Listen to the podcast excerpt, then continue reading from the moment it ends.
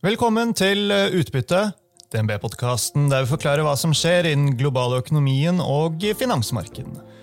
Jeg er Marius Brun Haugen, og med meg i denne episoden har jeg Audun Vikstrand Iversen, som forvalter fondet DNB Disruptive muligheter. Han skal gi oss en oppdatering på eh, bl.a. Nvidia, Tesla, selvkjørende trucker, Evtol, batterier og maskinlæring og roboter fra Moss. Jeg tror det her skal bli eh, veldig interessant. Ja.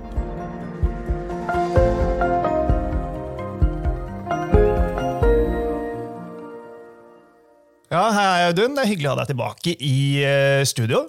Veldig hyggelig å være her. Ja, På tide med en oppdatering nå. Det eh, var vel sist før sommeren at vi satt sammen her? Gjorde det. Så det har jo vært en innholdsrik sommer. Selv om det ikke har vært så mye sol her i Norge, så har det jo vært uh, mye spennende som har skjedd i markedet. Absolutt. Og vi får starte med det generelle. da. Liksom, kort oppsummert så kan vi vel si hittil i år så har den økonomiske veksten globalt vært bedre enn fryktet så har det presset rentene opp, mens forventningene til selskapenes eh, inntjening eh, har kommet litt ned. Men så har det jo ikke vært så ille da, i noen eh, deler av markedet. F.eks. For, for flere av selskapene som du er investert i. En av de er en megacap-aksje som Tesla. Den skal vi jo snart snakke mer om. Men sånn generelt, hvordan vurderer du markedet fra ditt hjørne av andedammen, og slik det har utviklet seg siden vi pratet sammen før sommeren? Nei, Vi hadde jo en juli som var litt sånn det vi kaller risk on. vil Si at man, eh, man, ser litt bredere og, og, kanskje litt dypere på såkalte vekstaksjer. Så, så, så det, Juli var en veldig spennende måned. Og så vet vi jo alltid at august, da drar folk på ferie på kontinentet og i USA. Så, sånn, uh, Veldig mye usikkerhet rundt, uh, rundt, august, og sånn var det også i år. Uh, og så vet vi at september er den dårligste måneden historisk sett. så nå er vi midt inne i den her hvor ting kommer til å falle litt og stige litt, og, og, og litt sånn kortsiktig usikkerhet. Mm, alt er litt shaky. Ja, det er litt sånn shaky. Og, og, det er, så langt i september så er det jo kanskje det vi har opplevd allerede. Så, så og så kommer jo da, etter hvert så skal vi ha litt eh, rentemøte på Fed, og så er jo hovedproblemet nå at økonomien i USA er for sterk. Så da faller markedet på gode tall. Og vi er litt, Jeg skal ikke si det er koko-marked, for eh, alle vet at det er akkurat sånn det er. Eh, men, men vi skal kanskje ha én renteøkning til. Og så skal vi ligge der, og så er det jo denne ene frasen som er uh, 'higher for longer' uh, når det gjelder renter, den, den, ser ut til å liksom spille ut. Og, og, men fortsatt er det veldig mange som prater om denne resesjonen, og om det blir myk og hard landing osv. Og, så og det har man gjort i to år. Jeg begynner å bli lei av det. ikke sant? Det er sånn, jeg er litt enig. ja, men det er sånn, Man skyver helt inn resesjonen. Det har holdt på med i, i to år nå. med liksom, ja, Om seks til ni måneder så kommer resesjonen. Og, og, det er ganske mange som sier det. Uh, og så har vi jo ikke vært i nærheten ennå. Nei, jeg tror vi får la hva skal vi kalle det, makroen ligge. Om uh, noe så får vi jo se det fra det du er opptatt av. Da. Det tror jeg de fleste av lytterne våre vet, i hvert fall de som har hørt deg før og kjenner fondet ditt. Du er opptatt av innovasjoner og disrupsjoner. Batterier og maskinlæring det er to viktige stikkord for deg nå, Audun. Hvorfor det? Nei, altså, eh, Innovasjoner løser jo veldig mange praktiske ting. Eh, og en god innovasjon eh, gjør også at den er sånn deflatorisk av karakter. Altså At du får gjort det samme med en mindre kostnad. Eller en, eller en høyere inntekt. Og de to største drivkreftene nå, og har vært kanskje de siste par årene, som, som former og skaper mange distrupsjoner i alt fra transportsektoren til banknæringen, alle de store etablerte industriene, det, det er batterier og maskinlæring. Og Grunnen til at dette er så innmari viktig, er at, eh, og særlig på batterisiden, som er da egentlig sånn lagring av energi, det er at det, størrelsen på batteriene de blir hele tiden mindre, og de blir kraftigere og de blir mye billigere. Og Dette åpner opp helt nye markeder. I, i gamle dager så var det sånn, uh, disse litiumbatteriene, som ofte liksom er et referansepunkt, de har falt nesten 90 de siste, siste 25 årene i, i, kostnad, og så har man økt effektiviteten veldig mye. Så fra at det var noe som var inni, inni mobiltelefonene For lenge siden, jeg vet ikke om, om, du husker det, Marius, men da var det sånn at uh, levetiden på batteri var noe av de viktigste egenskapene når du skulle kjøpe mobiltelefon. Mm. Det er ingen som prater om. Og så har vi, har vi fortsatt en sånn, men jeg tror vi er helt på tampen av nå, når det gjelder elbiler at kjørelengden hvor, hvor, lenge, hvor, langt kan du kjøre? Det betyr fortsatt ganske mye. Ja, Det betyr veldig mye fortsatt. Men, men nå begynner vi å komme opp i sånn 500-700 km på, på, på, på, de beste bilene. Og så, så, i løpet av et år eller to så kommer vi ikke til å prate så mye om, om det, tror jeg. Det, fordi vi tar det som en forutsetning.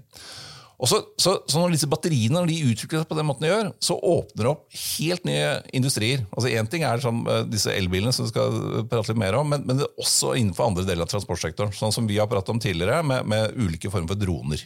Mm. Og så kombinerer du dette her med det som skjer på kall det kunstig intelligens og maskinlæring, inn mot det å digitalisere hele transportsektoren, som gjør at vi da veldig ofte kommer innom dette ordet som er selvkjørende. Og hvis du begynner å kombinere veldig billige batterier i transportsektoren sammen med selvkjørende, så står vi overfor en kjempedistrupsjon. Altså Hele transportsektoren i løpet av dette tiåret, tror jeg, når vi, er, når vi står liksom og begynner å kikke tilbake igjen på dette tiåret, sånn 2028-2029, så tror jeg vi kommer til å se tilbake på, særlig på transportsektoren, har blitt helt annerledes, og det er helt nye forretningsmodeller. Og det som i dag er veletablerte selskaper, er kanskje borte eller betydelig mindre. Så, så dette, er, dette, er, bare kjempespennende. Mm. Ok. Um før vi kommer til uh, aksjer som treffer uh, akkurat uh, dette her med, med selvkjørende. Nvidia, det må vi snakke om. Aksjen bare går og går, den. Uh, ja, Det har jo liksom dratt uh, markedet i år, uh, definitivt. men i helgen så tvitret Christian Falnes om mulig finansiell engineering og selskapet CoreVeave. Det fanget min interesse. delte en video der ja, flere som har eh, lagt ut og skrevet rundt dette her. Finansavisen også fanget det opp. Eh, vi bør ikke gå helt inn på bakgrunnen nødvendigvis, men eh, ja, jeg gikk inn og så denne videoen som han delte, og jeg må si det, det virker jo ikke helt uh, bra, da, hvis man skal tro det som ble sagt i den uh, videoen. men, men det betyr jo ikke at markedet ikke er der. Dette med generativ AI virker som bare ruller videre. Men hvordan tenker du rundt uh, en aksje som Nvidia, Audun? Nei, altså Nvidia skal man, man skal være litt høyderedd i det. Og, og, når det kommer opp på sånne type nivåer som det er nå, og særlig med to sånne kvartaler som de har hatt, som er eh, jeg vil kalle det historiske begge to, fordi de slår forventningene så mye, og det er så veldig rask vekst i et veldig stort selskap, så kommer det til å bli mange historier for å prøve å forklare hva som har skjedd. Eh, og denne historien som du refererte her, sånn, det er jo det å koke en bok. Altså Man, man, eh, man eh, konstruerer ordreinngang som kanskje ikke er reell. Og, det er det som er denne historien, som, som har gått Den kom ganske raskt etter, etter tallene i, i, forrige uke. Jeg har ikke noen grunn til å tro at, at dette er veldig spekulativt, eller noe som er gjort med, med en ond hensikt, uh, manipulerende. Men, men, den ligger der, og, og, og, markedet vet om den. Uh, og det gjør at man kommer til nå i perioden nå frem mot neste kvartal, og særlig under neste kvartal, kommer til å ha veldig fokus på kvaliteten i ordreboka. Uh, og, og, man er jo redd for at uh, det kanskje er mye sånn dobbeltbooking osv. Så i Nvidia. Jeg tror nok at når de har så sterk etterspørsel som de har, hvis vi da først tror på det, at den er reell, og det har vi mange gode grunner til å tro på, så, så er det sånn at uh, det er vanlig å dobbeltbooke, men hvis det, den spørsmålen er reell, så kan selskapet bare si at ja, hvis du bestiller dette nå og trekker orden, så skal vi, vi likevel ha betalt. Og Det er nok sånne former for kontraktstrukturer som, som Nvidia har lagt på plass. Så jeg, så jeg, er ikke så redd for Kanskje deler av markedet er redd for at det er mye dobbeltbooking. Akkurat den er ikke jeg så redd for. Men det er absolutt en, en aksje som, som, man skal uh, være litt høyderedd i. Men, men basert på den inntjeningen de har nå, og veksten, og sånn, så, så, skal man også argumentere om er den billig eller dyr. De fleste analytikerne begynner nå å operere med Nå handler den på rett i underkant av 500. Og det er veldig mange analytikere nå som, som liksom ser på 700-800 targets, og den høyeste targeten på Nvidia nå ute i markedet nå har passert 1000. Mm. Men dette hva skal vi si, generative AI-toget, så får man kalle det en eh, hype eller eh, ikke. Men eh, det, det, inntil videre så ruller det bare videre etter de fleste solmerker. Ja, og jeg, jeg har aldri Eller det er veldig, det er veldig sjeldent uh, at vi ser en så bred innovasjon som får så store konsekvenser for så mange industrier. Og det er derfor liksom sånn, jeg, jo, jeg, er mer glad i ordet maskinlæring enn en, en, en, kunstig intelligens. Men det er derfor disse to drivkreftene som vi pratet om innledningsvis, batterier og maskinlæring, de to former så mange kraftige innovasjoner uh, som vi kommer til å, å sitte og, og, og, riste på hodet av om, om noen få år. Ja, dette er rundt uh, generativ eh, AI. Det er selvfølgelig mye entusiasme, men jeg føler også at det begynner å bli litt mer uh, balansert. Da, når man hører hvordan folk tenker rundt. Man, det er litt mer fokus på dette med sikkerhet og rundt, og, og også kostnadssiden av det, og hva man faktisk kan klare å få til. Bare et lite eksempel, men det var jo TMT-konferansen til DNB Markets i Kastabelen her i Bjørvika i Oslo i forrige uke. Der var det flere som kom inn på dette på tematikken om generativ AI. En av de var, nei, var eh, Øystein Moan fra eh, Visma, eh, hvor han sa ja, de så på liksom ulike initiativer som, som mange andre gjør i forskjellige bransjer knyttet til dette her. Så rasjonale for å effektivisere bl.a. hvordan man møter kunder med sånne chatboter og, og sånne type ting. Men, men han var også opptatt av at man må jo kunne regne eh, dette hjem, for det har ganske store kostnader å implementere sånne her eh, type ting. Så, men det er vel bare sunt? At det er litt mer sånn, Absolutt. bevissthet rundt om det.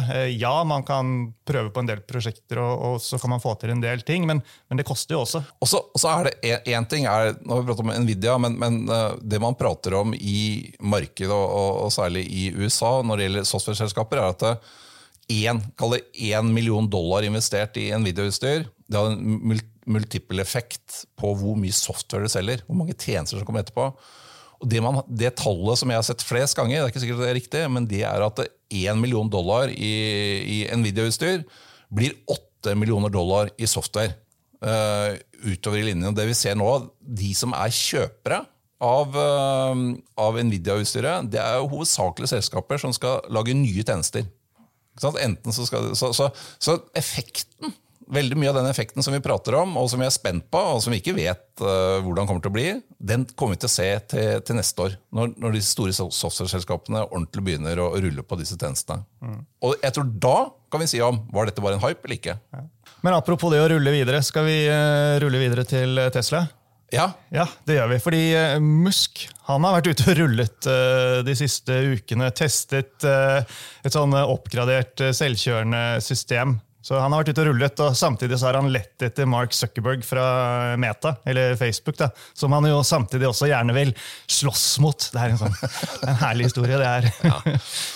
Ja, det er jo det er, det er litt sånn guttaktig. Uh, så får man mene hva man vil om det. Men, men uh, Elon Musk han har jo vært frempå og pratet om selvkjørende biler, robotaxi osv. i noen år nå. Han har systematisk bommet. Det som han var ute og viste verden for et par uker siden nå, var at han satte seg inn i sin Tesla-bil, og så kjørte han rundt i Palalto i, i, i California og lette etter, etter Mark Zuckerberg.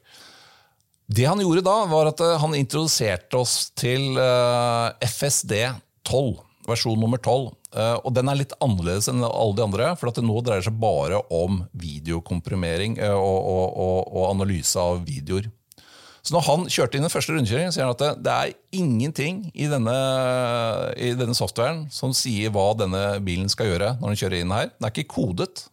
Men, men det, man, har ikke, man, har ingen programlinjer som sier hva den skal gjøre når den kjører inn. Det er bare basert på erfaringene fra andre videoklipp. Og løfter, Da løfter du denne maskinlæringen opp på et helt annet nivå. Fordi Da kan vi begynne å tenke på at ok, disse ni kameraene som Teslaen har, de ser akkurat som våre øyne, men de ser jo da mye bedre. Våre øyne er i stand til å, å oppfatte liksom 15 sånne inntrykk i sekundet. Uh, disse kameraene er oppe på sånn 25, og de ser jo da 360 grader. Mm. Også, så, så, hvis du da får erstatte våre øyne med det vi kaller da computer vision, som da kan kobles opp til en software som, uh, som skjønner hva den skal gjøre, så er det ikke bare biler vi prater om da. Eh, så, så, hvis man lykkes da, med å, få denne, denne selvkjørende softwaren eh, til å fungere så bra at den begynner å, å, fungere enda bedre enn hos mennesker Vi er ikke der ennå, men sannsynligvis så kommer vi dit fordi det er så mye biler som, som samler inn disse dataene til, eh, til Musk nå, og Tesla. Som gjør at på et eller annet tidspunkt ja, så har vi en sånn hvor vi bare kan si til bilen hva, hva den skal gjøre, og så gjør den det. Uh, og, så, og, det kan vi ta over i roboter, og vi kan ta over i fly, vi kan ta over i alle andre former for transportsektor, hvor vi skal gjøre noe.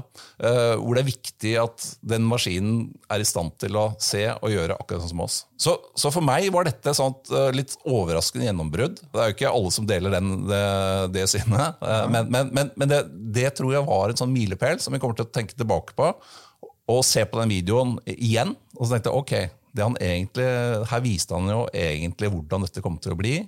Eh, når vi står der i 2024-2025. Mm, mm. Du delte på Twitter eh, for ikke mange dager siden at eh, du retvitet da, fra en, en, annen, men det var sånn jeg fikk det med meg. At Tesla har solgt like mange biler hittil i år som i hele 2022 i Europa.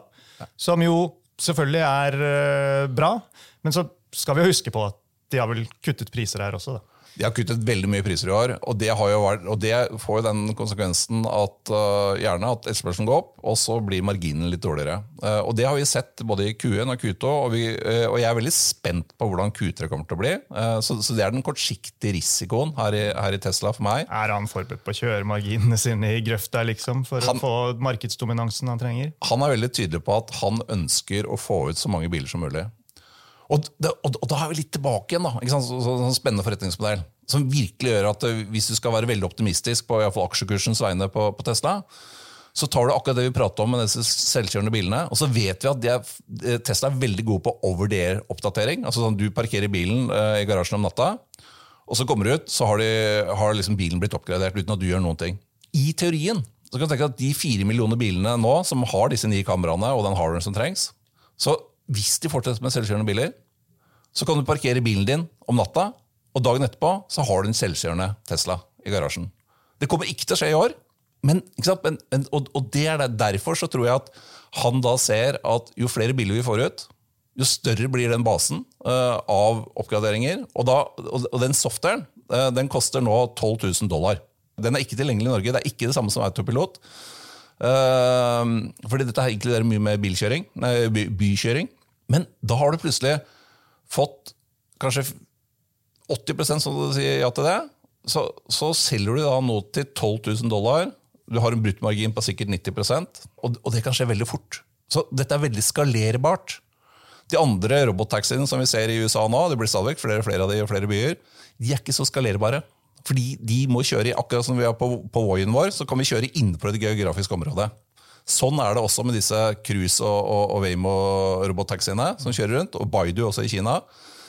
Og, og, da lager de en bil, og så putter de på masse LIDAR-system. Uh, så de må liksom refitte bilen etter den er ferdig. Og det, det, det, er liksom, det, er, det, der er ganske dyrt. Versus liksom å kunne da ha de ni kameraene som alle, eller nå ca. fire millioner biler har allerede i dag. Hvem er de største konkurrentene til Tesla nå, som du ser det? Er det kineserne, eller er det de europeiske eh, bilprodusentene? Eller? Hvis vi tenker eh, massemarked, så er det bare kinesiske navn. Dessverre, jeg synes, som europeer syns jeg det er kjempesynd, men, men, men, Volkswagen har brukt forferdelig lang tid de, på å både lage software og elektriske biler som ikke ikke nødvendigvis eh, er bra nok, iallfall i dag. Forhåpentligvis så, kommer de tilbake. GM og Ford de har heller ikke brukt denne tiden de har hatt de siste par årene, til å bli gode på det. Så du ender opp med sånne kinesiske navn som, som Byd og, og Gilek og Li og Ni osv. på polmarkedet. Hvor er det Tesla har en edge mot uh, kineserne? Er det på teknologi, på software-siden, er det på batterier? Er det på andre steder, summen av det, eller ikke noe steder? jo, nei, nei men det, det, er, det, er, jo en, selvfølgelig en sum av det. Poenget Jeg tror nå har jo Tesla kommet med en sånn oppgradert versjon av, av den modell 3, som, som de har byttet ut 50% av delene på. Eh, og sannsynligvis er kostnadene heller litt ned enn opp. Og, er en mye finere bil, mye sterkere bil, går mye lenger. Gjort veldig mye på interiøret osv. Som, som har fått veldig god review. Den, den, kommer til å bli lansert uh, både i, i, Europa og USA liksom, i de neste månedene. Så, så, uh, så de er i stand til å møte kineserne på priskonkurransen samtidig som de fortsatt da har bransjens høyeste uh, marginer. Og hvis du tror på og her jeg må, jeg må tro, hvis du tror på noe av den historien som fortalte i sted, med, med dette med, med selvkjørenhet og, og, at de får den softwarepakka, Ja. så kommer de til å få fantastiske marginer. Får bare minne om det at vi har hatt en gjennomgang med deg det hadde vi før uh, sommeren, om liksom Tesla-case, uh, hvor du vurderte både for og imot, og, og gikk gjennom uh, veldig mye i, i litt mer detalj enn vi rekker i dag. Så uh, får bare henvise til den videoen. Er tilgjengelig bl.a. i uh, aksjehandelsløsningen til uh, DNB, så det går an å bare logge inn der og, og se den for de som har lyst til det. Selvkjørende trucker. Ja, og, det- og det, er, det er en sånn variant av uh, dette, når vi pratet om dette med innovasjoner tidligere, så er det sånn, de løser praktiske ting. Ja, Eh, ikke sant? Fordi i tillegg til at selvkjørende trucker åpenbart er kult, hvis, hvis det funker, hvis det funker. så, så vil det løse en del utfordringer. Du får fortelle oss eh, hva det er du tenker på da. Ja? I USA nå så er, har liksom det å være trucksjåfør eh, for, for eh, 30 år siden uh, Hvis du var 25 år da, så gikk du inn i et høy, uh, høystatusyrke, tjente 100 000 dollar. Problemet til truckindustrien i USA er at uh, i dag er det lavstatusyrke, og de som gikk inn for 30 år siden, de er nå, ikke, de er nå 55 år, og det er gjennomsnittsalderen på en trucksjåfør. Og man mangler sånn 50 60 70 000 trucksjåfører. Og i USA så er veldig mye av å flytte varer fra A til B går på langs veien. De veiene er i hvert fall en del steder eh, lange og rette, og ikke liksom like utfordrende å ha selvkjørende biler på som i norske snirklende fjellveier og fjellområder. Nei, ikke sant? Og, og der, der kommer den forretningsideen. Så Det er et selskap som heter eh, Aurora Innovation, som, som eh, vi er litt investert i. Vi har liksom ikke tatt helt av i den. Men de har hentet ganske mye penger, som gjør at de har en sånn balanse på halvannen milliard dollar og skal lansere da, eh, gå, gå live uh, i Q4 neste år. Så, så for amerikansk økonomi, hvis det ikke får løst denne trucking-situasjonen, så, så kan kan det være rett og slett en trussel mot veldig mye av, eh, av det lokale markedet i, i USA. Så, så I utgangspunktet så høres det veldig skummelt ut med selvkjørende trucker. Eh, Jeg er den første til å innrømme det. Samtidig som at eh, på disse landeveiene, så de av, dere, de av oss som har kjørt på de, vet jo at de er ganske kjedelige. Eh, Og jo eldre du blir, jo lettere er det å duppe. Og, og, sånn, og det skjer jo også i USA, så er det ganske mye ulykke med, med disse vanlige truckene. Så forsikringsprisen har gått opp. Så, så det er mange kostnader å spare ved å få til en sånn type selvkjørende truck. Så, så det, det, er, det er flere initiativer på det, men, men, men uh, dette selskapet som, som jeg syns ser mest spennende ut. da. Aksjekursen, har det vært en hyggelig selvkjørende reise? Ja, Den, den har i hvert fall vært hyggelig i år. Så i år har den, uh, har den vel gått fra en dollar til nå begynner det vel å kanskje snart snuse på fire, fire dollar. Så i prosent så den jo, har det vært en hyggelig reise for, uh, for oss. Alltid en sånn eh, byg å komme over dette med finansiering for eh, selskaper i startfasen. Det har vi snakket om eh, mange ganger. Eh, Ja, og, og, og du ser nå, de, de flinkeste uh, har klart å hente ganske mye penger også i år. Uh, men det koster litt grann på litt utvanning og, og litt kurser. Men, men, men du ser, det er ganske mange nå av disse spennende selskapene som, som vi ofte prater om, som går inn i neste år med en veldig bra balanse. Hente penger har også vært uh, liksom kritisk for Evtol-industrien. Der har vi hatt eh, flere oppdateringer på. Vi har vært i Tyskland og sett på disse elektriske helikoptrene som kan eh, lette og lande vertikalt, og så eh, fly i luften som et fly. Utrolig spennende greier. For lytterne våre som har fulgt med på dette, så hadde vi også en oppdatering i sommer hvor ting begynte å løsne litt. Og så har det vel nesten bare løsnet enda mer siden vi snakket i juni, Audun. Så en kort oppdatering også på hva som skjer innen Evtol. Nei, der har det jo sånn Aksjekursmessig så har det vært en veldig hyggelig reise i år. Uh, hvor flere av disse selskapene har gått både tre- og firegangeren. Men det skyldes dels at uh, man har fått uh, veldig bra finansiering fra industrielle parter. Altså industrien selv, altså andre i, i flybransjen, går inn og investerer. Og så har man fått en del ordre. Og så har myndighetene i USA kommet ordentlig på banen og, og, og sagt at dette her skal vi satse på. Og Grunnen til det er, er kanskje fordi at en av de store konkurrentene til de amerikanske selskapene er et eh, kinesisk selskap som heter Ehang, eh, som har kommet ganske langt. Deres kall det største produkt, viktigste produkt, det er et helikopter som har plass til to stykker i, og ingen pilot. Så det er, det, det er selvkjørende, og det er i ferd med nå å få godkjennelser i Kina.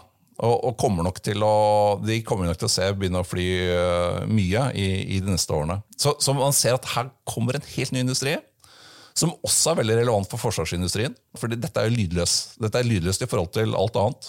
Så, så, amerikanske myndigheter tror jeg har liksom sett det og sett at ok, må, dette må vi hjelpe frem. Uh, så de har litt sånn task force nå på, på, reguleringer og bygge infrastruktur. og Ord som dronekorridorer skal vi alle sammen til å prate om uh, om noen år. Så, så, det er en kjempespennende industri. Og så skal de få noen uh, veldig viktige uh, godkjenninger. som de, de, har, de, fleste av de har nå to av de tre de må ha, uh, men alle sier at den tredje er den vanskeligste. og Det er det man forventer at man kommer til å bruke neste år på. Og så skal de begynne å lette. Noen mener at vi allerede nå til sommeren i, i Paris, under OL, kommer til å se noen av disse flyene der. Og da, og, da, og da, blir det plutselig synlig for alle. I dag er det bare sånne rare nøler sånn som meg og deg som, som vet om det. Uh, men plutselig så er det sånn, blir det synlig. Altså, hva er det? Og så liksom, du vet, vet hvordan det er, og så, og så, så ser man jøss, dette her virker jo kjempesmart. Ja, nei, Dette her er eh, spennende, og vi må, vi må, følge dette eh, videre. Det er veldig gøy. Men uh, ikke mer i dag. Vi har én ting til på listen som vi skal igjennom. Og her er jeg like spent som lytterne, tror jeg. Det er eh, roboter fra Moss. roboter fra Moss, Audun. Hva er det som skjer? Jo, altså, Hvis du tar liksom robothistorien, så er det sånn uh, i, i, gamle dager så De første robotene kom uh, og var sånne robotarmer. Uh, og De kom i bilindustrien på 60-tallet, så tok japanerne over. Og så har, vi, har de, liksom, de blitt låst inne på et fabrikkgulv. Det vi har sett de siste årene, er at uh, nå har vi tatt disse robotene så har vi gitt dem bein eller hjul, og så begynner de å komme ut blant oss folk. Så de, de har, de har liksom kuttet sine lenker til, til industrigulvet. Legg på generativ AI, så er du stadig nærmere Terminator-scenarioet. Altså. Ja, ja. Her er, og dette her er jo noe av det som er Her er det skrekkblandet fryd mange ganger. Fordi, eh, men, men, og, og, Tesla har jo sin, og Boston Dynamics har sin osv. Og, så og, og, så har vi da et lite selskap i Moss som eh, heter One X Technologies. Som har vært veldig flinke til å lage robotene. De bruker lette de, er, de, bruker et wire-system som ser ut til å fungere, som er veldig lett tilgjengelig. Det er veldig høy kvalitet på, på wire. Også i februar-mars i år så kom uh, Sam Altman og OpenAI, de som liksom startet dette kunstig intelligens-rebalderet, uh, de kom inn og, og, tok inn emisjon. Og så vidt jeg har skjønt jeg har, Vi burde egentlig invitere oss ned og besøke det en dag, Marius. Ja. Så Jeg har ikke besøkt selskapet, men det jeg har lest rundt det, er at de da også har fått tilgang på veldig mye av den softwaren som, som ligger i kall det dette Microsoft uh, OpenAI, også noe på Google, som gjør at de, de, får tilgang på veldig bra software. Som gjør at de kan gi en hjerne til den roboten. Og hvis det kommer litt som vi pratet om i sted, også med, med denne med Tesla, uh, for de lager også roboter, så tror jeg at det, det øyeblikket vi kan få disse robotene til å gå rundt De kommer til å gå litt sakte og litt rart, og så videre, men så gir vi dem computer vision, som gjør at de kan se. Og på et eller annet tidspunkt og igjen, Jeg vet ikke om det er nå neste år eller om det er om tre år, men det er iallfall innen sånn relativt kort tid. Så er det sånn at eh, Vi skal ikke sitte og programmere hva roboten gjør, men vi forteller roboten hva den skal gjøre. Og, og, og plutselig så har vi da øh, Kanskje er vi kjempeheldige, og, og, er de så flinke som jeg tror de er i Moss med disse robotene, så har vi et annet, kall det sånn lite sånn industrieventyr. Uh, for de kommer til å få den backingen som, uh, sannsynligvis, som gjør at dette her er noe som blir kjempespennende. Og det, I dag så leverer de roboter som, som, uh, som, som går rundt og, og passer på og, og, i vanlige industribygg. Mm vær forberedt på at i løpet av de neste årene så, så kommer vi alle sammen til å, å se roboter. Eh, noen av oss kommer til å kanskje ha en hjemme som, uh, som kommer til å hjelpe oss med alle de kjedelige Mer enn bare å støvsuge? ja. Og, det, og det, er ikke, det, er ikke, Teknologisk så er vi ikke så veldig langt unna. Fordi det er ikke så veldig komplisert å lage en sånn robot. Og, og jeg, så, jeg, er jo så nerdete, så jeg har jo sittet og sett på folk ta den, eh, den Optimus-varianten uh, til Tesla, som, som, da har plukka den uh, fra hverandre med, med, den informasjonen man har. Og De mener at dette, er, dette kan være en kostnad på sånn 20 000 dollar. og, og, igjen får du denne løsningen som, som Musk var ute og kjørte, som gjør at vi får computer vision. Så er det sånn, ok, 200 000-300 000 kroner uh, for uh, en robot som kan jobbe hele tiden, det, det, kommer til å endre veldig veldig mye. Så, så, så dette er sånn åpenbart område for, for oss som er opptatt av innovasjon og distribusjoner, som, som vi må følge veldig tett på. Bra, Audun. Alltid gøy med en uh, oppdatering med uh, deg. Vi får uh, finne på noe nytt snart. Med det så tror jeg og slett sier takk for i dag. Tusen takk for at du var med, Audun. Og sist, men ikke minst, tusen takk, folkens, til alle dere som hørte på.